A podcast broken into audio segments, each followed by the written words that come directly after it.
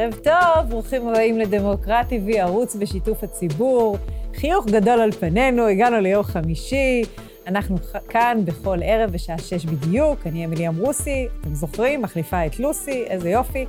כמדי יום חמישי אני יושבת בכיסא של לוסי האהובה, שמגישה את התוכנית בימי ראש, ימים ראשון עד רביעי, והערב על שולחננו. חיכיתי להגיד שולחננו, כי יש לנו שולחן יפה וחדש, אני עדיין מתרגשת ממנו. על שולחננו כמה נושאים חשובים. אה, חלק, חלקם נושאים שלא דנים בהם מספיק בעיתונות הישראלית. אה, הנושא המורכב והמעניין הראשון הוא נושא שדווקא דובר השבוע, אבל אנחנו ניתן לו קצת יותר רוחב. אה, המצב באתיופיה, מצב מורכב שמשפיע גם על קרובי המשפחה של יוצאי אתיופיה בישראל. אנחנו נדבר עם פעילים חברתיים, סורפל אלמו נמצא איתנו באולפן, איציק טיים, כתב, וגם כתב הארץ, מיכאל האוזר טוב יהיה איתנו. אה, גם בעקבות החשיפה שלך, מיכאל, וגם בכלל על אה, קבוצת קרובי המשפחה של היהודים שנמצאים שם. אה, כמדי שבועיים, אפשר להגיד דבר כזה בשפה העברית? פעם בשבועיים, אתם השותפים של דמוקרט TV בוחרים נושא שאותו אנחנו פותחים ומטפלים בו לעומק, והפעם בחרתם העלאת גיל הפרישה לנשים. נשמע את עורכת הדין אורי טורקיה שאלס, שהייתה מאוד מעורבת בניסוח החוק, וגם את ניצן כהנא. לה יש ביקורת על העלאת גיל הפרישה, ולי יש הרבה שאלות לשאול אותם בתור מי שמאחלת לעצמה לעבוד כמה שיותר, עד, עד היום שבו הרגל שלי תהיה בקבר. לאחר מכן אנחנו נדבר עם חברת הכנסת ממרץ, ריידה רינאוי זועבי, על מצב העצמאים. השבוע עברה בקריאה טרומית אה, קריאה, אה, אה, הצעת חוק אה, לדמי אבטלה לעצמאים, כולל דמי אבטלה רטרואקטיביים לתקופת הקורונה. אנחנו נדבר על התחושות האישיות שלה בקואליציה ועל החוק המסקרן הזה. ולסיום, יהיה כאן קובי פראג', יגיע לאולפן כדי לדבר איתנו על הסרט שלו, המלכה שושנה, על הזמרת הענקית שושנה דמארי. טוב, את התוכנית אנחנו פותחים הפעם עם המצב באתיופיה. קשה להתעלם מהמלחמה שם, ונושא יהדות אתיופיה גם כן עולה על הפרק. נמצא איתי באולפן סורופל אלמו, שלום לך, שלום. ערב טוב. אה, פעיל בעלת יהודי אתיופיה, וגם אח של שתי אחיות שמחכות במחנה בגונדר כבר כמה שנים? 15. כבר 15 שנה נמצאות שם.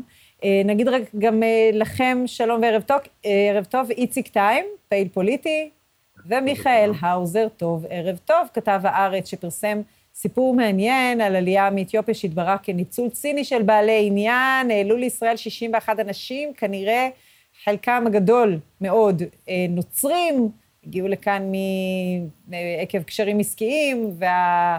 הטענה היא הייתה שהם יהודים מאמינים, אנחנו נדבר איתך עוד מעט.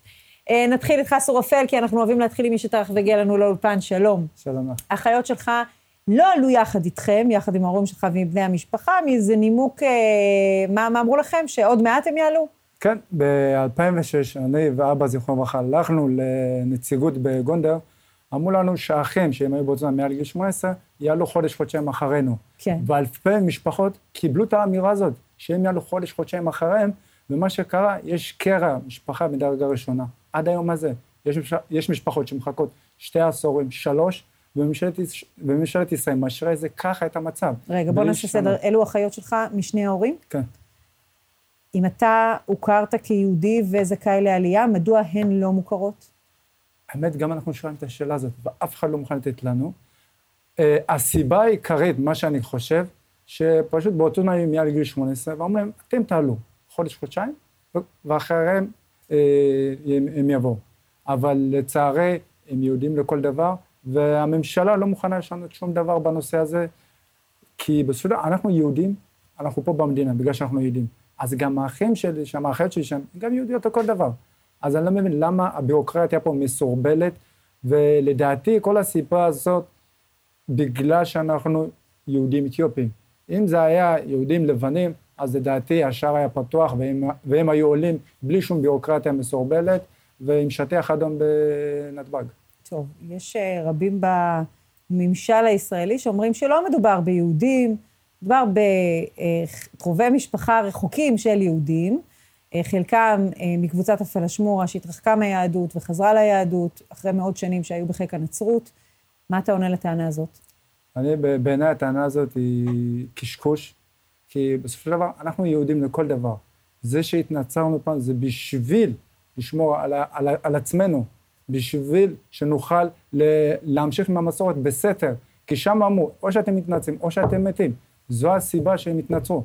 לדוגמה, שהנושאי ספרד התנצרו, ובמדינה לא, לא כל כך אכפת. הם מילאו, הם עדיין פה נחשבים כיהודים מלאים לכל דבר. אבל ברגע שזה יהודים שחורים, שבהם מדינה שהיא לא מפותחת, אז הדברים יהיו קשים עוד יותר. תראה, את הקבוצה המרכזית המשתייכת ליהדות, הלוא היא ביתא ישראל, העלתה ישראל בשלמותה במבצעים שהיו לפני עשרות שנים, ביתא ישראל עלו בשלמותם. מי, מי קבע? Uh, הקייסים של העדה נתנו את הסכמתם לכך שהעלאת יהודי ביתא ישראל, הפלג הזה שנשאר uh, יהודי, עלה לישראל. הסיפור הוא לגבי הפלשמורה, ועם הפלשמורה אנחנו רואים שכל חמש שנים יש קבוצה חדשה שנוצרת, תמיד יש קרובי משפחה. זה כמו בור ללא תחתית. תמיד יישארו קרובי משפחה. כמובן שהאחיות שלך צריכות לעלות לארץ. אני מדברת על האלפים כן. שמבקשים להיכנס, שחלקם הם גרושתו של ואחות של מנישואים שניים, ובאמת הקשר ליהדות הוא דל. אותם הקסם שנתנו את הרשימה פעם בעליות הראשונות, כמו שאת אומרת, כן. בסוף הם עבדו לפי הרשימות שהיה להם מהכפרים הקרובים. כן. על פי זה. אבל אתיופיה היא ענקית. היהודים הם מפוזרים בכל המדינה. אז לא ידעתי שקייס מצפון אתיופיה, הוא גם יודע את היהודי שנמצא בדרום אתיופיה או באדיס. זה okay. אוקיי. מאוד קשה ומורכב, ואני חושב לממשלה יש החלטה 716 שצריך ליישם אותה, וגם יש להם את הרשימה של אה, רשימה ממתינים mm-hmm. במשרד הפנים, ומשרד הפנים צריך לשחרר את כל הביורוקרטיה, להעלות את האנשים אבל אחרי שבודקים אחד-אחד האם הוא זכאי או לא. כן. לא סתם לעלות ואז לנסות לפגוע את העליות או לפלג בתוך אוקיי, הקהילה. אז בואו נדבר על מה שקורה לפעמים כשיש אה, עולים שעולים לכאן שלא כדין. אני אחזור אליך עוד מעט כדי לדבר על המצב עכשיו. אה, מיכאל האוזר טוב, שלום לך. אתה פרסמת השבוע את הסיפור המטריד מאוד על עלייתם של עשרות אה, שלא כדין, אה, כאלה נוצרים שנכנסו לארץ תחת הכותרת יהודים? נכון, אז תכף אני אגע בסיפור, אני רוצה רק להתחבר לשיחה ש, ש, שניהלת כאן כרגע. צריך להגיד, האנשים שאמורים לעלות אה, מאתיופיה כרגע הם לא יהודים במובן אולי הפשוט של המילה כמו שאנחנו אומרים, אלא מה שנקרא זרע ישראל, הם באמת צאצאים ל, אה, אה, ל, ל, ל, ליהדות, חלקם באים מנישואי תערובת באמת, שצד אחד יהודי, צד שני נוצרי, אבל אנחנו לא מדברים על יהודים במובן הפשוט של המילה, אלא באמת על זרע, על, על זרע ישראל, זה גם, זה גם ההגדרה שהממשלה נותנת להם, כן? לא, לא אנחנו. ולכן עכשיו, הם, הם בדרך כלל צריכים לעבור גם גיור לחומרה כשהם מגיעים לישראל. גיור לחומרה זה ניחא, אבל תחקור לחומרה זה בעיקר מה שהם צריכים לעבור. צריך לבדוק באמת האם הם כן או לא צאצאים אה, למשפחות יהודיות, אה, וזה לא כל כך פשוט, צריך ללכת אחורה באילנות היוחסין. אה, יש אילנות יוחסין אה, בקהילה האתיופית, גם האמהרית וגם התיגראית, יש רבנים עם אילנות יוחסין, זה, זה לפחות מה שאני שומע גם מגורמים אה, רשמיים שבאמת אחראים על זה ברשות האוכלוסין וגם מבני הקהילה עצמה. מה קרה באמת במקרה שבו חשפנו בעיתון הארץ? במהלך השנה התקיים מבצע להעלות 61 אנשים שהייתה מחשבה שהם בני זרע ישראל, שהם צאצאים למשפחות יהודיות, שחייהם נמצאים בסכנה מיידית. למה? אני הולך קצת אחורה כמה חודשים, אני לא יכול להגיד בדיוק מתי זה קרה מטעמי צנזורה, אבל אז מלחמת האזרחים הייתה יותר ממוקדת, היא הייתה בחבל תיגראי, זה החבל הצפוני באתיופיה, ושם הייתה את הקבוצה הזאת שחשבו שהיא בסכנת חיים מיידית. הממשלה הזו הייתה עוד ממשלת נתניהו, לא ממשלת בנט, מקבלת החלטה להעלותם באופן דחוף, בסוף המבצע לוקח לו עוד קצת זמן, הוא קורה בתקופת ממשלת בנט עצמה. הם עולים לארץ, הם מגיעים למרכז הקליטה בבית אלפא ומתחילים את אותו הליך תחקור שדיברתי עליו קודם לכן, שהיה צריך לעשות בכלל באתיופיה, אבל לא נעשה בגלל באמת הבעיות, הקשיים הלוגיסטיים להגיע אליהם, לראיין אותם, לבדוק מי הם במהלך המלחמה האכזרית והעקובה מדם שמתרחשת שם. ואז עולים סימני שאלה מאוד מאוד מאוד משמעותיים. מתברר לאחר בדיקה מיוחדת שנפתחת ברשות האוכלוסין וההגירה, שאותם 61 רובם המוחלט הם אינם שייכים לזרע ישראל, אין להם שום קשר ליהדות למעשה, חייהם לא בסכנה כי הם לא באו, רובם המוחלט, מאותו חבל תיגראי, אז שם באמת התמקדה מלחמת האזרחים, וזה אולי גולת הכותרת באמת, אם תרצי, מי שחקר איך גיבשו את הרשימה, מי הם אותם האנשים, מאיפה הם הגיעו בכלל, הבין שאדם, אזרח ישראלי שעלה לארץ מאתיופיה בשנת 96, אה, הוא זה שהביא 53 שמות מתוך 61 העולים. מי הם ה-53 האנשים האלה שהוא השיג להם את כרטיס הטיסה הנחשף הזה? אשתו, אה, גרושתו לשעבר, גרושתו כלומר אשתו לשעבר, אה, נוצרייה לחלוטין, הבנים שלה, פועלים, עובדים שלו שעבדו באתיופיה בכל מיני מאפיות ופיצוציות שהיו לו באדיס אבבה, ובאמת אנשים שלא ברור מה, מה הם עושים שם, לא ברור איך הם התקמבנו כדי לקבל את כרטיס הטיסה הזה, וסקנדל אחד גדול שמגיע עד לכדי זה שלא אני אומר סקנדל, אלא רשות האוכלוסין וההגירה משתמשת במילה קנוניה. היא אומרת במסמך רשמי, נראה שהייתה כאן קנוניה שמטרתה לרמות את המערכת. וואו, טוב, סיפור מטריד, אבל בוודאי לא מעיד על כך שהממתינים בגונדר במחנות, אה, בבקשה לעלות לארץ, הם כולם אה, רמאים ושקרנים, אלא אה, סיפור ספציפי על שחיתות נקודתית. מיכאל, מה, מה הממשלה אומרת על הטענות של סורפל וחבריו? האחים שלהם נמצאים שם, המצב, המלחמה הולכת ומתקרבת לאדיס, יש, יש קושי גדול להגן על חייהם. מה, מה הממשלה מתכוונת לעשות? קודם כל, זו שאלה באמת מה המצב שם. יש מחלוקת באופן עקרוני לפחות, משרד החוץ אומר שזה מקום מאוד מסוכן, הוא גם מפנה את השגרירים, את, השגר... את הנציגים אה, סליחה, את בני המשפחות של הנציגים הדיפלומטיים אה, הישראלים שנמצאים באדיס, אה, אבל המל"ל אומר שאותם אנשים שכרגע ממתינים לבירור, בירור יהדות, אינם נמצאים בסכנת חיים, הם מרוכזים, צריך להגיד, בעיקר בשני מחנות מאוד מאוד גדולים, אחד בגונדר, אחד באדיס אבבה, ואותם אנשים הם בעצם ממתיני בירור, זאת אומרת, אנחנו עדיין לא יכולים לדעת האם הם כן זרע ישראל או לא זרע ישראל. עכשיו, כן. אחת הטענות, כמובן מבלי שאני נכנס ושופט את הסוגיה, כי באמת אין לי מספיק ידע בנושא, אה, וזה גם ככה סוגיה מאוד נפיצה, מאוד אה, נתונה למחלוקת, זה האם באמת הם זרע ישראל או לא באמת הם זרע ישראל, כשכמובן הרשימה הזאת של ממתיני הבירור כל הזמן הולכת וגדלה. זאת אומרת, כל פעם חושבים שמעלים את הכמות המלאה, ואז פתאום מתגלים עוד ועוד אנשים. זה נושא מאוד מאוד נפיץ, אני בטוח ששני האורחים הנוספים שלך ידעו כן. להרחיב על זה מאוד, ואני רק נותן שוב פעם את העובדה הבסיסית, שזה נושא מאוד נפיץ למשרדי הממשלה, שאומרים כל פעם, אנחנו מעלים עוד ועוד ועוד אנשים, וזה בסופו של דבר אף פעם לא נגמר, ואין לנו באמת דרך לדעת מי הוא כן יהודי כן. ומי הוא לא יהודי. נשמח לשנות. זה העמדה הרשמית, לא, לא משהו שאני בא לייצג או משהו, רק מה שאני כן. שומע. כן, סורפל, אני מיד אה, אחבר אותך גם אה, לדיון הזה. אני רוצה רק אה, לשאול אותך, איציק טיים, ערב טוב לך. אתה פעיל חברתי ופעיל בתחום החינוך הבלתי פורמלי. שלום, ערב טוב. לכולם, לכל הצופים. שלום. אה, אה, אה, אנחנו, אני, אני מזה 20 שנים, לפחות שני עשורים, עוקבת אחרי העלאת שארית יהודי אתיופיה, וכל פעם יש את המספר האחרון. נשארו עוד אלפיים, מבקשים, מעלים את האלפיים, יום אחר כך נולדים עוד אלף או אלפיים שמבקשים להיכנס לישראל, כי תמיד יש קרובי משפחה שנשארים בחוץ, תמיד יש איזשהו קרוב משפחה שלא הספיקו להעלות אותו, ואז אתה מדבר כבר על קרובי משפחה של ישראלים, שלפי הרבנות בישראל לא תמיד קל להוכיח את היהדות שלהם. המספרים האלה אף פעם לא נגמרים, זה בעצם בור ללא תחתית. איציק.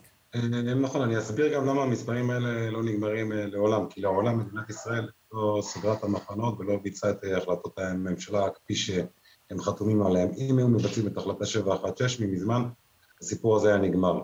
כל עוד לא מיישמים את ההחלטות, מן הסתם שאנשים שנמצאים 20 שנה באותו מקום יתחתנו ויביאו ילדים, המספרים לא קופצים באלפים כמו שהם מדמיינים ומספרים בכל מקום. מדובר סך הכל על באזור ה-8,000 איש שממשלת ישראל מ-2015 התחייבה להביא אותם, וזה לא קרה. אני דווקא אשמח מאוד שיעלו את כולם מסגרות המחנות. בסופו של דבר, אה, מה שקורה פה, נוצר מצב כאילו הקהילה אה, עושה פה קומבינה או איזה סוג של שחיתות, וזה מכתים קהילה שלמה, לא עוול בכפה. אנחנו שומעים גם מחלקים חלקים אחרים מהקהילה, מנציגי ביתא ישראל, שטוענים, הם לא, הם לא, מה, לא מהחבר'ה שלנו, אנחנו לא מכירים את השמות האלה, את זה אומרים קייסים. מכתב של רבנים וקייסים בכירים בקהילה, שכן טוענים ההפך את מה שאת אומרת כרגע, ומה שאותם אנשים שהם מיעוט בקהילה טוענים. שורה תחתונה, ההנהגה הרוחנית, הרבנית, כולל הקייסים, קבעו דברים אחרים לגמרי. אגב, ממשלת ישראל רוב הזמן גם לא דיברה איתם, היא לא התייעצה איתם, שאת זה גם לא מיישמים ולא אומרים. איציק, אתה, אתה מרגיש שהחשדנות של אה, ממשלת ישראל, או של עיתונאים כמוני, אה, נובעת מגזענות? אה, לא יודע, אבל אני יכול להגיד לך שההורים שלי בשנות ה-70 שעלו לארץ, זה אותן טענות שאמרו עליהם. חוק השבות נועד להעלות לישראל, מדינת הלאום של העם היהודי, מישהו בן הלאום היהודי. וכשיש סימני שאלה, ומדינת ישראל עושה מאמצים גדולים כדי להעלות לכאן יהודים מכל מדינה שהיא ובכל צבע וכל גוון. לא, אני צריך לחדד אבל רגע, זה לא מטעם חוק השבות, אף אחד שם לא זכאי עלייה מטעם חוק רגע, מיכאל, כן, מיכאל, מה רצית להעיר? ההורים שלי עלו על פי חוק לא השבות. זכאי עלייה? מטעם חוק השבות. כולם זכאים עלייה אך רק מטעם החלטת ממשלה שבאמת התקבלה לא, לא, ב-2015. לא, לא, אז תנו לי לסיים. לא, אני הוא רוצה- טועה. רגע, איציק, אני אתן לך, טועה. אני אתן לך להשלים. אה, בבקשה, אה, לא, מיכאל, כן. מיכאל קוטע אותי מבלי לדעת אה, מה אני מתכוון להגיד ובאיזה עניין. רק מיכאל יסיים את המשפט, כן. בשנות אני רק אומר. אין כרגע באתיופיה אף לא אדם אחד שזכאי עלייה מטעם חוק השבות. יש אנשים שזכאים... יש אנשים בחוק השבות. אני עליתי בחוק השבות, ואחרי שאמור לעלות בחוק השבות. אוקיי. אה, לא, לא, אה, סורפל, איציק, אנחנו מיד איתך. סורפל, אני רואה שאתה צובר הרבה הרבה כן, מה אני- להגיד, אני כן. אשמח לשאול את אה, מיכאל. אתה אמרת, כל הכבוד על החשיפה, שעלו 60 ומשהו אנשים, אבל אתה מודע לזה שאנשים למדינת ישראל עולים מדי שנה כ-32 אלף, ומתוכם אולי 20 אחוז יהודים, את זה אתם לא חושפים. אתם בתור עיתונאים, זה אין פה אתיקה. אתם באים מתנכלים לאנשים שהם לא בצבע הנכון. אתם באים בגלל שהם באים מאוכלוסייה קטנה, בואו נפרק אותה עד הסוף. העבודה שלכם אינה נכונה. אם אתם בודקים, תבדקו את כולם. אל תבואו לאנשים שאין להם את האמצעים- והיכולת בשביל להתמודד עמכם. לכם יש את הפריבילגיה, ולנו, מה שאנחנו מבקשים בסך הכל, שתהיו אמיתים במה שאתם עושים. אם אתם בודקים אותנו, תבדקו גם אחרים. אוקיי, איציק, אני אתן לך להשלים, אה, מיכאל מיד תוכל להשיב. איציק, ההורים שלי אה, התחילו את מסע העלייה שלהם בשנות ה-70. כן. את אותן טענות שאומרים היום, אמרו גם על ההורים שלי. סבא רבא של אבא שלי, שנפטר ב-1916, כתבו עליו בעיתון הצבי, כגיבור אה, יהודי. מי שהיה עורך העיתון, שבגלגולו הקודם הוא גם נקרא אור, זה אליעזר בן יהודה. אז עם כל הכבוד, אני לא צריך להוכיח לאף אחד שאני יהודי. אני יודע מה אני, המשפחה שלי יודעת מה היא. הבעיה היא פה שכל פעם שזה נוגע ליהודי אתיופיה, החל משנות החמישים, כולל דוח ליטבק המפורסם, כולל ההדלפה של משה דיין, שמסמכים מסווגים לעיתונות הזרה, זה בדיוק מה שקורה עכשיו. בוא נשים את הדברים על השולחן. מדינת ישראל, היה לה קושי עם העלאת יהודי אתיופיה. בשנות ה-70 היה, הייתה את הצעת אה, האו"ם להגדיר את ישראל כמדינה אנטישמית. מה שקרה, מנחם בגין, ראש הממשלה דאז אמר, אז אוקיי, בואו נעלה את אחינו השחורים היהודים מאתיופיה, נראה לעולם הפוך על הפוך. אז בואו נהיה כנים, לעולם מדינת ישראל לא רצתה פה את יהדות אתיופיה. כן, הדברים כואבים ונשמעים, ובחלקם אה, מוצדקים. מיכאל, אה, נטען כלפיך שאתה כעיתונאי בדקת רק את מי שגוון אה, עורו כהה, ולא לא בדקת אם מועלים לישראל אה, כאלה שאינם יהודים במסגרת חוק השבות, כאלה שאינם יהודים ממדינות אחרות. אז קודם כל, אני לא חושב שהסיפור כאן הוא מי עלה ומי לא עלה, אלא איך עלו. כי באמת זה דבר שאני לא ראיתי משהו דומה לזה, איך אה, מבצע צבאי שמסכן חיי אדם של אה, כל מיני לוחמים ישראלים, אה, כל מיני אנשים בכירים בישראל שנמצאים באתיופיה, הקשרים הדיפלומטיים של מדינת ישראל עם אתיופיה, כולם כאן על השולחן במסגרת המבצע המאוד חלמאי הזה, שבסופו של דבר עלו אנשים שמדינת ישראל לא התכוונה לעלות, אז זה לא כל כך משנה מי. אני באופן אישי חושב שזה דבר חשוב, שזו באמת אבן בסיס שלנו כעם ישראל, כעם היהודי, להעלות את כל אחינו מהתפוצות, ועל אחת כמה וכמה אחינו מאתיופיה, ועל אחת כמה וכמה אנשים שבאמת יהודים שנרדפים וחייהם בסכנה, גם אם אין קשר בין הנרדפות לבין היהדות. Mm-hmm. אני רק רוצה להגיד בהערת אגב, מאחורי הקלעים, כלפי, כלפי אותן האשמות, שדווקא מי שליבה כאן את היצרים יותר מכל, ואני בטוח שכל מי שהתעסק בפרשה הזאת קיבל הרבה מידע משם, זה לצערי, או אני לא יודע איך להגיד את זה, אבל זה, זה, זה איזשהו קרב פנימי דווקא בתוך הקהילה האתיופית, בין, כאמור, יש מלחמת אחים באתיופיה, זה גם גולש לארץ, בין האמהרים לבין הטיגריים, ומי שלכלך כאן על הטיגריים שעלו וניסה להשפיע מאוד כן. על הרשימה, זה אמהרים שניסו להתלכל לטיגריים, וזה דווקא פחות קשור באמת, ל, ל, במקרה הזה, לאנשים מבחוץ. באמת היה כאן סכסוך מאוד מאוד רציני, שהתבטא גם במקרה הזה, גם בסיפור הספציפי הזה, בין שתי קבוצות האוכלוסין האלו ש, שבאו במקור מאתיופיה, כן, שתיהן כאמור. כן, הסיפור מורכב מאוד, סורפל. מילה על המצב כעת, עכשיו, בעקבות מלחמת האזרחים? אני, אני לא ביטחוני, לא מבין ביטחון הרבה, אבל אני יודע, מהפן של השתי הממתינים בגונדר ובאדיס, המצב לא טוב. אין להם שם ביטחון, שמישהו ייתן להם איזושהי ביטחון רשת, שיגיד, אוקיי, אף אחד לא יפגע בכם. אבל בגלל שאין להם את התמיכה הזאת, אז לאותם מורדים, סלש, אנשים אחרים, קל להם לפגוע, והמשפחות פה נמצאים בחרדה מתמדת. וממשלת ישראל יש לה פה את ההחלטות, צריכה ליישם אותה באופן מיידי, להעלות את כולם. החלטה 716 מדבר ליישום של כל יהודי אתיופיה שנמצאים שאלת אותם, ומפה אפשר לסגור, ואם יש דברים חריגים שהם לא נמצאים או לא, שלא עלו, אפשר לעשות ועדת חריגים ולסגור את הפינה. אבל כל פעם לעשות מזה אה, ספין פוליטי בשביל אה, פוליטיקאי כזה או אחר, בעיניי זה פשוט שגוי, וזה רק פוגע בנו, במשפחות. אנחנו אלה בסוף שנפגעים, לא אתם, לא הפוליטיקאים, אף אחד. אנחנו אלה שמאבדים את העיקרים שלנו. לכן אני מצפה גם מהתקשורת, גם מהפוליטיקאים, להתגייס למטרה הזאת, לאחד את כל המשפחות, ובאמת בחודשים הקרובים נראה אותם פה ביחד, את כולם. אה, איציק, איציק טיים. אני תקווה שהדברים, שהדברים ייבדקו, ואם אה, נעשה פה מקרה כזה או אחר, שיחקרו את הדברים. אני לא איש ביטחון ולא איש אה, מערכת. שורה תחתונה זה מה שאני חושב. מה אתה, מה אתה שומע לגבי המלחמה אה, המתנהלת בחלקים שונים של אתיופיה, המצב, לגבי הממתינים במחנות? המצב מאוד מאוד רגיש, המצב מאוד מאוד רגיש. מי שישלם את המחיר זה אותם האנשים שצריכים לעלות לארץ בסופו של דבר. אם נוצר אה, מצב כזה או אחר, אה, צריך לחקור אותו לעומק, אבל עדיין, כל עוד, לא, כל עוד זה לא הוכח לעומק, אי אפשר להחתים קהילה שלמה. כן. אה, מיכאל, אני רוצה לפנות אליך לגבי המצב, האם הממשלה לוקחת בחשבון את הדחיפות בעקבות מלחמת האזרחים? כן, יש דיונים, אפילו הייתי אומר לא מעטים בימים האחרונים מאוד. היה דיון בין איילת שקד, פנינה תמנו-שטה ונציגי המל"ל שהתקיים אתמול. אה, הוחלט בו לבחון באופן מזורז את העלייה של כחמשת אלפים ממתיני אה, בירור שנמצאים אה, במחנות, ויהיה דיון נוסף בקרוב, בימים הקרובים מאוד, גם בהשתתפות ראש הממשלה ושר הביטחון, כי יש לזה משמעויות רחבות מאוד מאוד מרכזיות, אבל בהחלט כן, יש הרבה דיבורים סביב זה, בחינה מרובה, אני מעריך, אבל זה באמת רק הערכה, שכרגע, אם לא תהיה עוד החמרה נוספת במצבה של מלחמת האזרחים, לא יהיה איזשהו צעד מיידי, אבל בהחלט אנשים נמצאים עם יד על הדופק.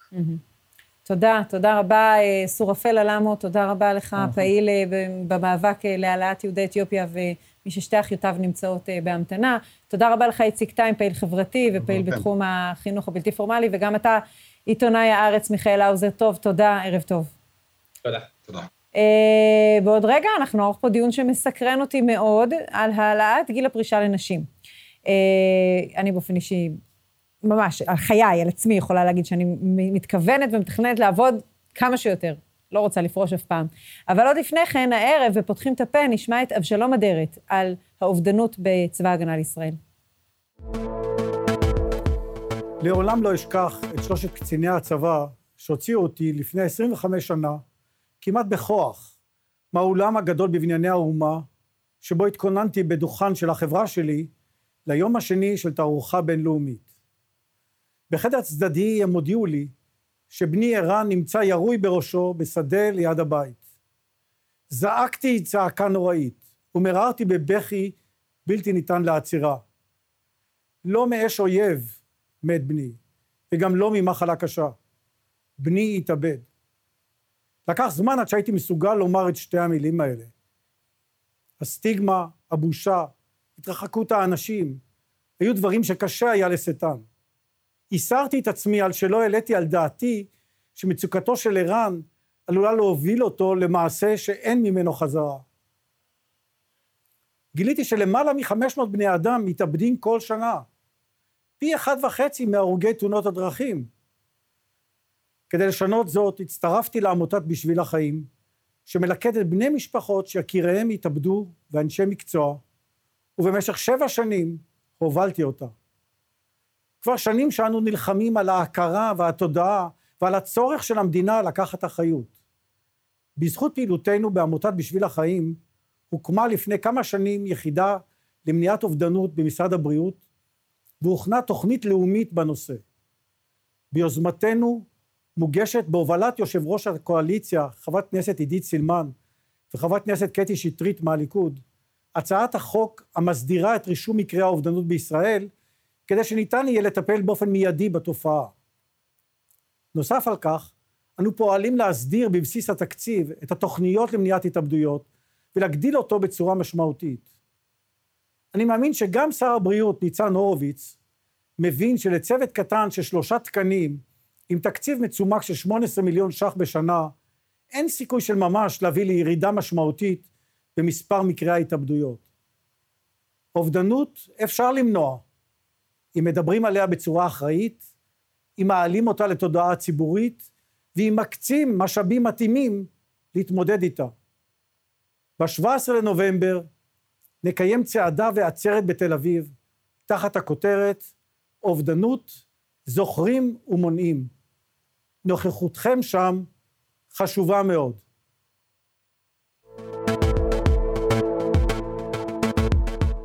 כן, אלו דברים מלב כואב, לב אב כואב.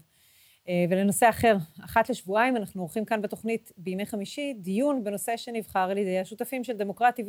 הנושא שאתם בחרתם הפעם הוא גיל הפרישה לנשים, אה, אירוע שעבר זה עתה בממשלה ובוועדת הכספים, וב-11 השנים הקרובות גיל הפרישה של נשים ילך ויעלה בהדרגה עד שיגיע לגיל 65. נמצאת איתי באולפן ניצן כהנא, מנהלת תחום הממשל בקרן ברל כצנלסון, שלום וערב טוב לך. ואיתה עורכת הדין אורית טורקיה, שסייעה לחברות הכנסת לנסח את החוק. שלום וערב טוב. שתיכן חושבות שהחוק הזה מגלם התקדמות גדולה ומשמעותית, נכון? אה, ודאי. אני אומר, החוק הזה לא היה צריך להיות מאושר עכשיו, לא ככה. אבל המתווה שבסוף אושר, שהצלחנו להביא אליו, הוא מתווה הרבה הרבה יותר מרוכך מזה שהונח לממשלה. אה, עם אישור, אה, בעצם, ראה איך זה הולך בתקציב. קודם כל הממשלה מאשרת את כל חוק ההסדרים ואת מסגרת התקציב, ואז מגיעים לכנסת. והאמת שאנחנו ראינו את הנוסח שאושר בממשלה, אמרנו, אוי ואבוי. גיל הפרישה לנשים אמנם יכול לעלות, אנחנו חושבות שנשים, בטח במעמד ביניים ומעלה, יכולות להמשיך לעבוד בישראל, אבל הרגשנו שהמתווה פשוט לא רואה את הנשים המוחלשות, אה, ולא מייצר להם רשת תמיכה מספיקה, ומבחינתנו אי אפשר היה לאשר את אה, העלאת גיל הפרישה בלי לדאוג להן. אז כן, הצלחנו להביא עוד כמעט חצי מיליארד שקלים בשנה לרשת תמיכה כזו שתעזור לאותן נשים, נשים משלוש אוכלוסיות ששמנו עליהן דגש, הראשונות נשים שנפלטות מוקדם, כבר היום משוק התעסוקה, נשים שבסביבות גיל 57 נפלטות, ואין להן מענה, נשים שקשה להן מאוד לחזור לשוק התעסוקה, ובעצם הרי מהי העלאת גיל הפרישה? היא דחיית הזכאות לקצבת זקנה. Mm-hmm. אותן נשים, כשדוחים את גיל הפרישה, אם עכשיו יוכלו לקבל מגיל 62 את הקצבה, יוכלו לקבל אותה רק מגיל 65. Mm-hmm. הקבוצה השנייה ממשיכה כבר היום לעבוד אחרי גיל 62. זו קבוצה של נשים יש בתוכה גם נשים אה, חזקות, נשים מהאקדמיה, נשים שטוב שימשיכו לעבוד, שאנחנו בעד שימשיכו לעבוד, שכאמור יכולות ולכן ממשיכות לעבוד. ויש בתוכה קבוצה מאוד גדולה שמשתכרת בממוצע 4,000 שקלים. נשים שנאלצות להמשיך לעבוד כדי לכלכל את עצמן, את משק הבית שלהן, ואותן נשים בעצם נלקחת מהן הקצבה. הם בעבר נגיד יכלו אה, להוריד את מספר השעות שהן עובדות, או ליהנות מהכסף הזה, להיעזר בו כדי שאורח החיים שלהם יהיה יותר טוב. והם ימשיכו עכשיו כאמור לעבוד, והם לא יקבלו אותה. Mm-hmm. והקבוצה השלישית, שהיא בעצם די שייכת לשתי הקבוצות הראשונות, זה נשים עם מקצועות שוחקים. אה, נשים שנמצאות במקצועות שלא סתם הן נפלטות מוקדם משוק העבודה. או עצוב להגיד, לא סתם ממשיכות מאוחר, זה יכול להיות סייעות וגננות שממשיכות לטפל בילדים שלנו, להרים אותם, לסחוב אותם, נשים שמנקות בתים, שלא בטוח שכל כך צריך להיות דחוף לנו כחברה. Mm-hmm. שימשיכו לעבוד אחרי גיל 62, הדבר הזה mm-hmm. נותן את אותותיו בגוף, משפיע עליהן. ואנחנו רצינו לוודא אה, שהפגיעה בהם תהיה כמה שיותר מצומצמת. אני אומר שוב, הפגיעה אכן הצטמצמה משמעותית, אבל לטעמנו נכון היה לראות את האוכלוסיות האלה מראש, להבין שצריך או להחריג אותן, או לייצר רשת כזו שפשוט לא תהיה בהם פגיעה, כי למה לפגוע במוחלשות ביותר? אה, אני רוצה לצרף אותך, חברת הכנסת אורית טורקיה שלס, שלום לך. עוד לא חברת כנסת. לא חברת כנסת עדיין, סליחה, עורכת הדין היקרה והחביבה. ואני רוצה לשאול אותך לגבי, קצת לצאת החוצה ולהסתכל על תמונת המקרו, ב, ב, בהרבה חברות מערביות וגם בישראל, יש בעיה אקטוארית, יש יותר ויותר אה, אה, אנשים בפנסיה על חשבון צעירים שעובדים וצריכים לממן את אותם אנשים בפנסיה. יש איזה היגיון בהעלאת גיל הפרישה לנשים כדי לאפשר לצעירים גם לחיות את חייהם. אז בהחלט, קודם כל אני אה, מאוד מברכת על השותפות עם קרן ברל כצנלסון, שמאוד מאוד מאוד סייעו בתהליך הזה, והגענו למתווה בעיניי שהוא מתווה מאוזן ונכון. אה, אין ספק, אנחנו אה, חי, חיים כולנו באותה מדינה, הקופה ריקה וגיל תוחלת החיים עולה, ואנחנו כולנו, אני חושבת, מסכימות שאין ברירה אלא להעלות את גיל הפרישה, וכמו שציינת, בהחלט זה משהו שקורה בכל המדינות המערב, זאת אומרת, אנחנו רואים את המצב הזה ואת ההכרח הזה בכל המדינות. אה, מצד שני, בהחלט אין ספק שיש נשים שייפגעו מכך יותר, ואנחנו מדברות בעיקר על דור הביניים, אה, על הדור שתכנן אה, בימים אלה ממש לפרוש, מכל מיני סיבות, מנשים שכלל לא עבדו במשך כמה שנים, כי שוק העבודה לא כזה ידידותי לנשים מבוגרות, והסתמכו על הקצבה הזו שכבר מגיעה, ובין אם זה נשים במקצועות שוחקים. אז עבור הנשים האלה באמת המתווה סיוע שבסופו של דבר אושר, בעיניי עושה עבודה מצוינת של איזון. אבל, אבל הצורך קיים, ובעיניי לא הייתה ברירה, וטוב שהמהלך הזה נעשה. זה מתווה סיוע שמוגבל בזמן? זה מתווה סיוע שהוא לאורך כל ה-11 שנים בחלקים שונים. זאת אומרת, הטבות שונות נמשכות לתקופות שונות, אבל כל ההטבות נמשכות לכמה שנים. כשבאמת הרעיון הוא לתפוס את אותן נשים שהסתמכו על גיל פרישה בגיל 62, ועכשיו בעצם יגיעו למציאות קצת שונה. אוקיי, okay, זאת אומרת, ניצן כהנא, שנשים בנות הגיל שלי ושלך, זה כבר, אנחנו נפרוש כבר בסדר, אפשר להחמיא לעצמנו, אנחנו די צעירות. אנחנו נפרוש כבר אחרי שהחוק הזה יושלם במלואו, אחרי נכון. אותה פרק, אותו פרק זמן. לא יהיה להם את אותם קביים שאת מדברת עליהם, את אותה תמיכה לנשים מוחלשות, לנשים שנפלטו משוק העבודה. זה יהיה החוק וזהו, אין בלתו. אז גם אנחנו בעצם מבינות ש, שאת ואני לא צריכות את הקביים האלה, ונכון לנו להעלות את גיל הפרישה.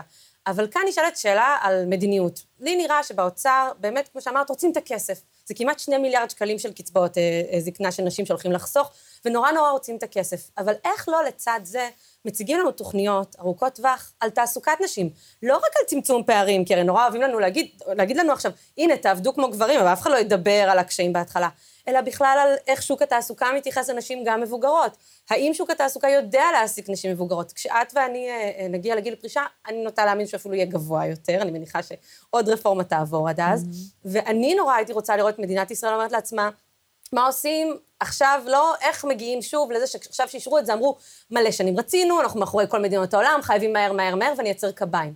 איך מייצרים את הלא קביים האלה, את הכלים האלה, את השרירים האלה עבורנו כנשים, לכך שלא נצטרך קביים כשאנחנו נרצה לפרוש. ועל זה, האמת, אין שום זרקור ושום שיח. טוב, כי על דברים ארוכי טווח אין זרקור ואין שיח. אה, עורכת הדין טורקיה שלס, אני רוצה לשאול אותך, מה, אנחנו כולנו, כל מי שיושבת כאן כנראה מחזיקה בעמדות פמיניסטיות כאלה ואחרות, למה בכלל יש הצדקה לפער בין אה, גיל פרישה של נשים לגיל פרישה של גברים? איך אנחנו מסבירות את זה לעצמנו? אה, רק, רק במילה אני קופצת uh, לדבריה של ניצן, ואני כן, כן אציין שמדיניות uh, ארוכת טווח זה דבר מבורך וחשוב, וחבל שעד היום לא נעשה. אנחנו עם ממשלה חדשה שבהחלט אה, מנסה לתקן ולשפר, אבל אה, צריך לזכור שמתווה הסיוע כולל, אה, אם אני לא טועה, למעלה מ-450 מיליון שקל עבור הכשרות ועבור פיתוח תוכנית הכשרות לנשים בגילאים מבוגרים. זה חלק מאוד משמעותי בתוכנית ובמתווה בכלל, וזה משהו שקרן ברן כצנלסון עודדה, תמכה ודחפה, וטוב שכך.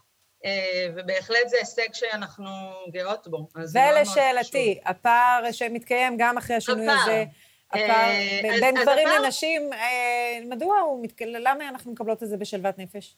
הפער הוא פער היסטורי, צריך לזכור שהוא לא התחיל היום, ולהפך, הרבה מאוד שנים מנסים לחשוב איך בעצם לבטל אותו. הפער הוא פער היסטורי שכשחוק גיל פרישה נחקק, הייתה גישה פטרנליסטית יותר כלפי נשים. צריך לזכור אבל שכשבאים לשנות עוול, לא צריך לתקן עוול בעוול, ובאמת, כמו שאמרה ניצן, ואני מסכימה איתה, כששוק העבודה הוא כל כך לא שוויוני כלפי נשים, ואנחנו סובלות מאפליה לאורך כל שנות התעסוקה שלנו, לא בהכרח הדבר הראשון לתקן הוא אה, אה, התיקון הזה.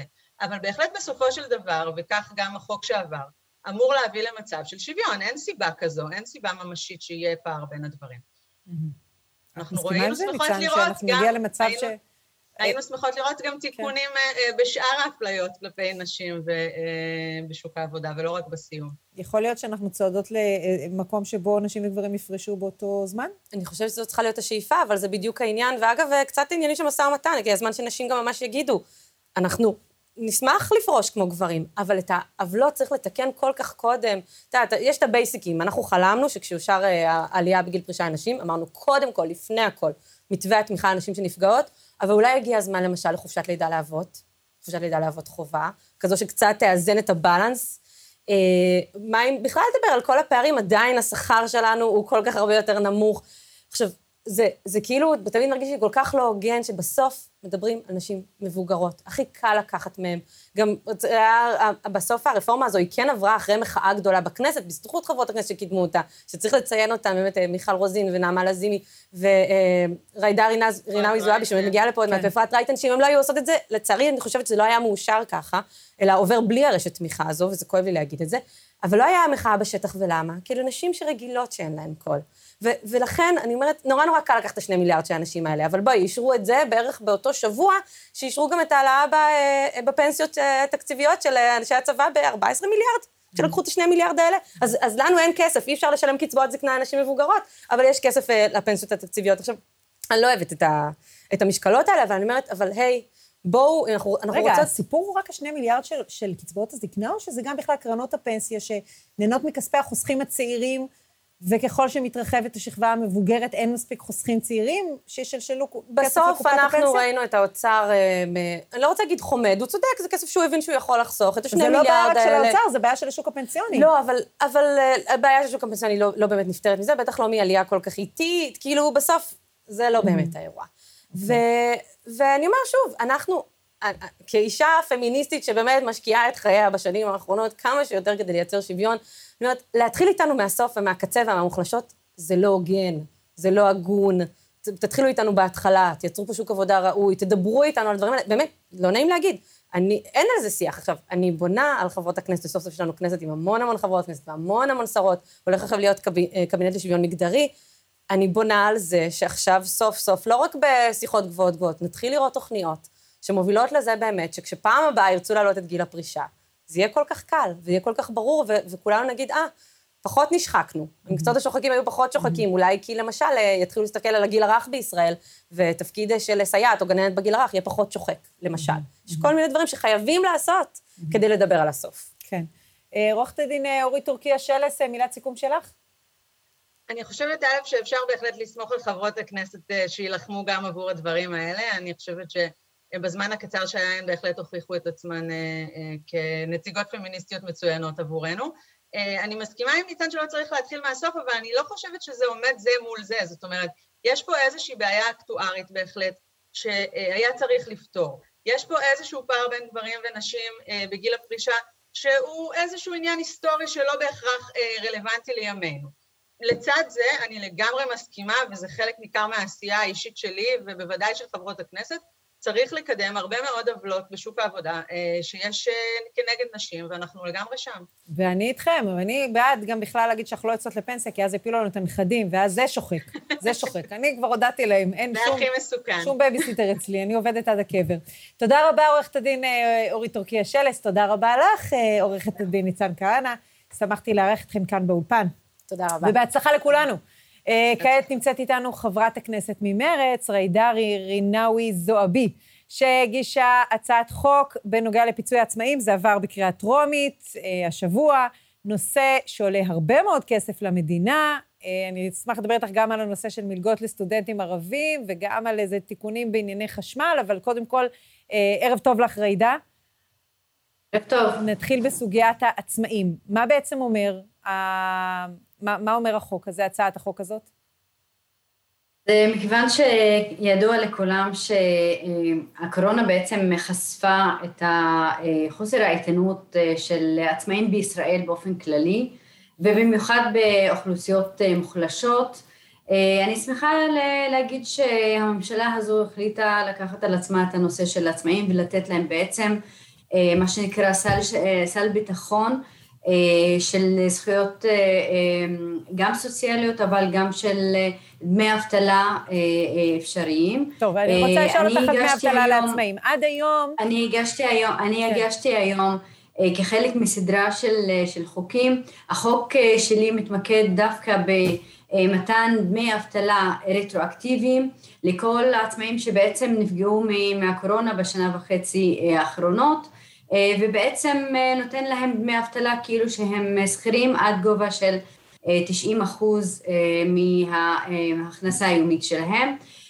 זה יהיה בעצם חלק ממגוון של, של חוקים שהממשלה עכשיו מקדמת, כולל גם חוקים המסתכלים על העתיד ובעצם אומרי, הממשלה בעצם אומרת שאנחנו לא נפקיר את העצמאים, לא נפקיר את העסקים הקטנים ולא נפקיר את העסקים הבינוניים. חשוב מאוד. עד היום עמדה, אמרה המדינה, עמדה על הרגליים האחוריות ואמרה, לא יהיה דמי אבטלה לעצמאים, כי אנחנו פחות יכולים לפקח על השאלה האם עצמאי באמת עבד או לא עבד, יכול להיות שעצמאי עבד והוציא חשבוניות דחויות, את החשבוניות הוא יוציא אחרי שהוא יקבל את דמי האבטלה שלו. איך מתמודדים עם זה? הרי זה באמת פתח גדול מאוד לתככנות, ואת יודעת, אנשים.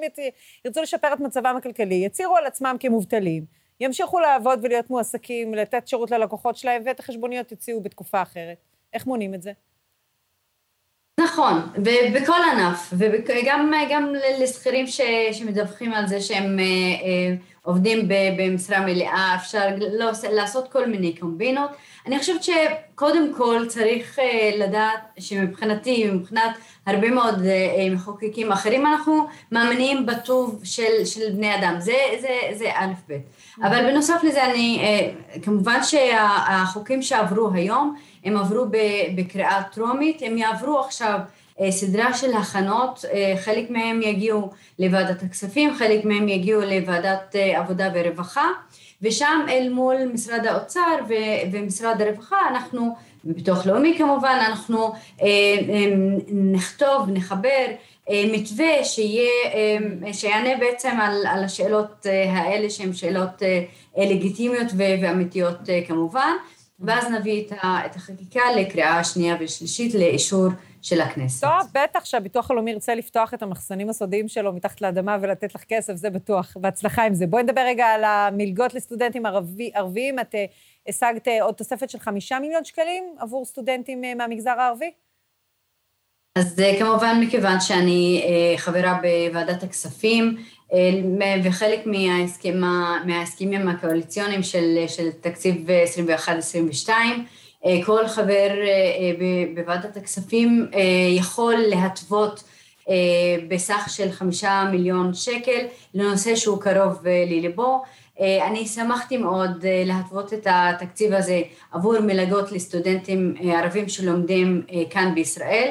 עליי לציין שבשנים האחרונות ממשלתו של בנימין נתניהו פשוט ייבשה את כל המלגות האפשריות שסטודנטים ערבים יכולים להגיש אליהם. בעצם עד לפני, עד לפני חודשים מעטים סטודנט או סטודנטית ערבי כמעט ולא היה זכאי אה, לשום, אה, לשום מלגה. אני שמחה אה, שבעצם יש לי עכשיו הזדמנות להעניק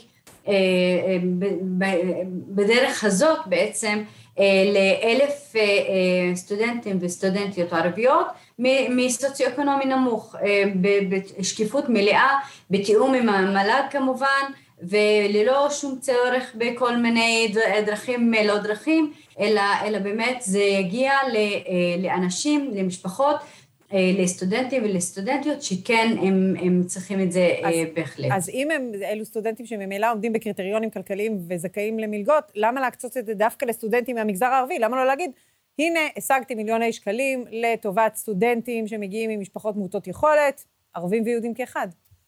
אז כידוע לך שרוב המלגות הקיימות בארץ הן דורשות אה, אה, שירות בצה"ל או שירות לאומי וכולי, ולכן רוב רובם של הסטודנטים והסטודנטיות הערבים הם מנועים מלגשת לרוב המלגות, אם לא כל המלגות אה, בישראל, ולכן יעדתי את המלגות האלו לסטודנטים ערבים. אני אשמח שגם בעתיד אנחנו נגביר ונגדיל את אה, סך המלגות אה, אה, של סטודנטים וסטודנטיות ערביות. אני מאמינה שאקדמיה היא בעצם הדרך למוביליות חברתית, היא בעצם מרחיבה את מעמד הביניים בחברה הערבית והיא בעצם תורמת לאיתנות הכלכלית החברתית של המדינה בכלל. יש עוד דרך למוביליות חברתית וגם להיות זכאים למלגה והיא פשוט להתגייס לשירות אזרחי. אם הם היו מתגייסים לשירות אזרחי... בואי, לא בואי לא ניכנס לזה, בואי לא ניכנס לזה, אני, זה, זה סוגיה שלמה, אני אשמח אה, להתראיין אה, אה, איתך על זה. זו סוגיה שהיא סופר פוליטית, סוגיה שקשורה כמובן בסכסוך, ואני, ואני אומרת שכל הנושא הזה של גיוס לצה"ל היא סוגיה מאוד, מאוד רגישה, שאני לא... כמובן, לא, לא, לא, לא, לא נתייחס לזה בריאיון הזה, ברשותך. אני בכל זאת רוצה להמשיך ולהתעקש על הנקודה הזאת, כי זה באמת מאוד מסקרן אותי לדעת מה עמדתך. חברת כנסת בישראל, האם את חושבת שראוי לחבר יותר ויותר צעירים ערבים לחברה הישראלית באמצעות שירות אזרחי בקהילות, בכפרים ובערים של המגזר? שירות אזרחי זה משהו, והתנדבות זה משהו, ושירות לצה"ל זה משהו אחר לגמרי. זה שתי סוגיות נפרדות. אני אומרת שבסופו של דבר המדינה צריכה להעניק את הזכויות עבור כלל אזרחיה. ללא שום קשר לחובות שהאזרחים הללו נותנים. אני חושבת שאת גם תסכימי איתי על הנושא הזה. זה, זה, זה נקודה אחת, פירי. את יודעת, המושג שוויון בנטל, המושג שוויון בנטל, בשיעורים, בשיעורים הראשונים של דמוקרטיה, אפשר ללמוד את זה. אז זה, זה, זה, זה אחד. שתיים, אני מסכימה איתך שהנושא של התנדבות בתוך הקהילה, הוא סופר חשוב למוביליות חברתית וסופר חשוב לסולידריות גם בתוך החברה. אני קראתי המון המון שנים עבור מיזמים ויוזמות בתוך החברה הערבית, שיהיו, שיובלו על ידי הרשויות המקומיות הערביות. אני חושבת שאנחנו נלך לשם כקואליציה ונראה איך אפשר באמת ליישם פרויקטים ותוכניות שבעצם ייתנו את המענה להתנדבות של נוער ולהתנדבות של צעירים בתוך הקהילה שלהם, כי זה צורך עבור הקהילה הערבית. עבור החברה הערבית אנחנו מגיעים למצב שבו חלק מהתופעות של אלימות בתוך החברה הערבית זה בגלל שאין לילד, אין לנער, אין לצעיר את, ה, את ההרגשה בהשתייכות. ולכן אני חושבת שנושא של התנדבות הוא, נושא מאוד חשוב ואני מסכימה איתך שזה משהו שהוא אני גם ארצה לקדם בוודאי. ועוד צעד אחד בתוך החשיבות הזאת של התנדבות, דיברת על התנדבות בקהילה, האם התנדבות לבתי חולים, למשטרת ישראל, משרדי ממשלה, לבתי אבות, עזרה לקשישים, עזרה לנכים, שלא בקהילה הערבית, יכולה להיות משהו שצעיר ערבי יכול דרכו להתחבר לחברה הישראלית ולהיות חלק אורגני מהחברה. רגע, אז, אז, אני, אז תני לי רק, גם, גם אני אתעקש. חברה ישראלית היא כוללת גם חברה ערבית. את, את מתכוונת לחברה יהודית, נכון? נכון, נכון. התיקון מקובל עליי. זה אחד. אוקיי, אז זה, זה אחד. שתיים, אם, האם אנחנו מדברים על התנדבות בתוך בתי חולים, אז בוודאי. אם אנחנו מדברים על, על, על התנדבות במרכזי קשישים, אז בוודאי.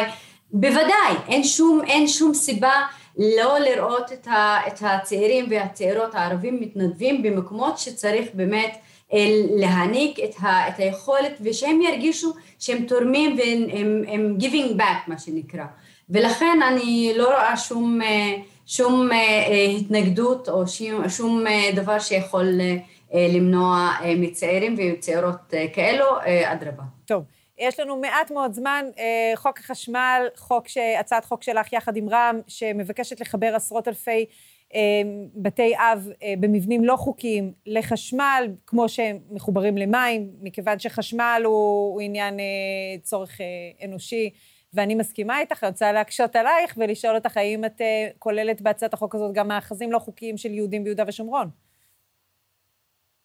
ההצעה הזאת, והיא הצעה שהיא עכשיו נדונה בוועדת הפנים כחלק מהכנה יחד עם משרד הפנים ויחד עם משרד המשפטים לקריאה שנייה ושלישית, היא מתייחסת לגבולות המדינה, מה שנקרא מהגבולות בתוך, בתוך המדינה.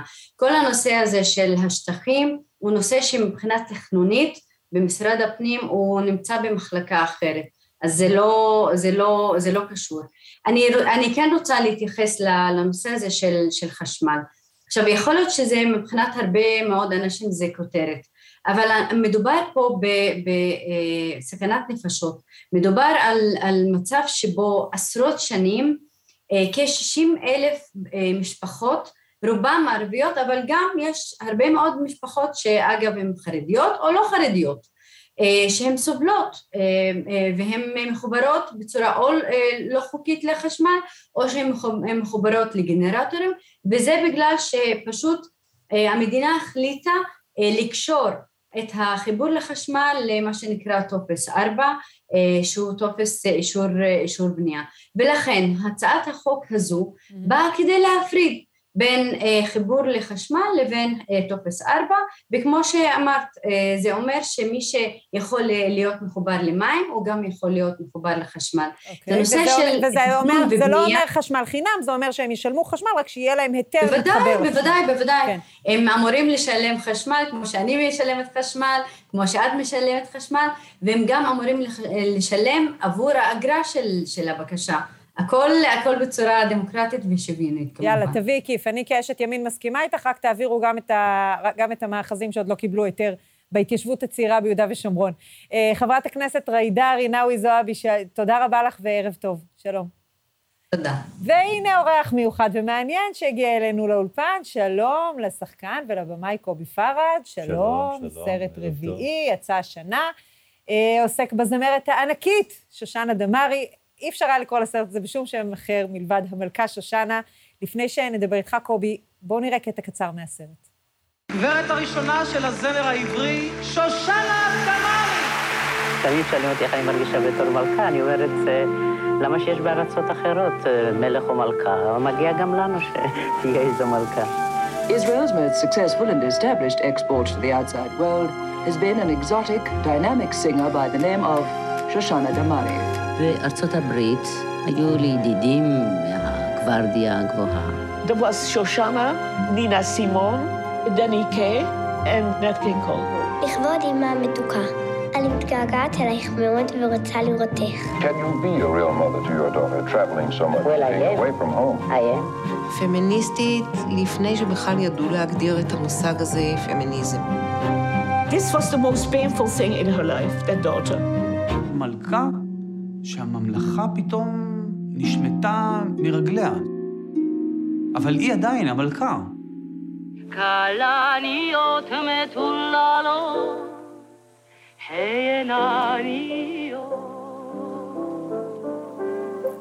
כן, חיוך רחב לשמוע את הקול הזה.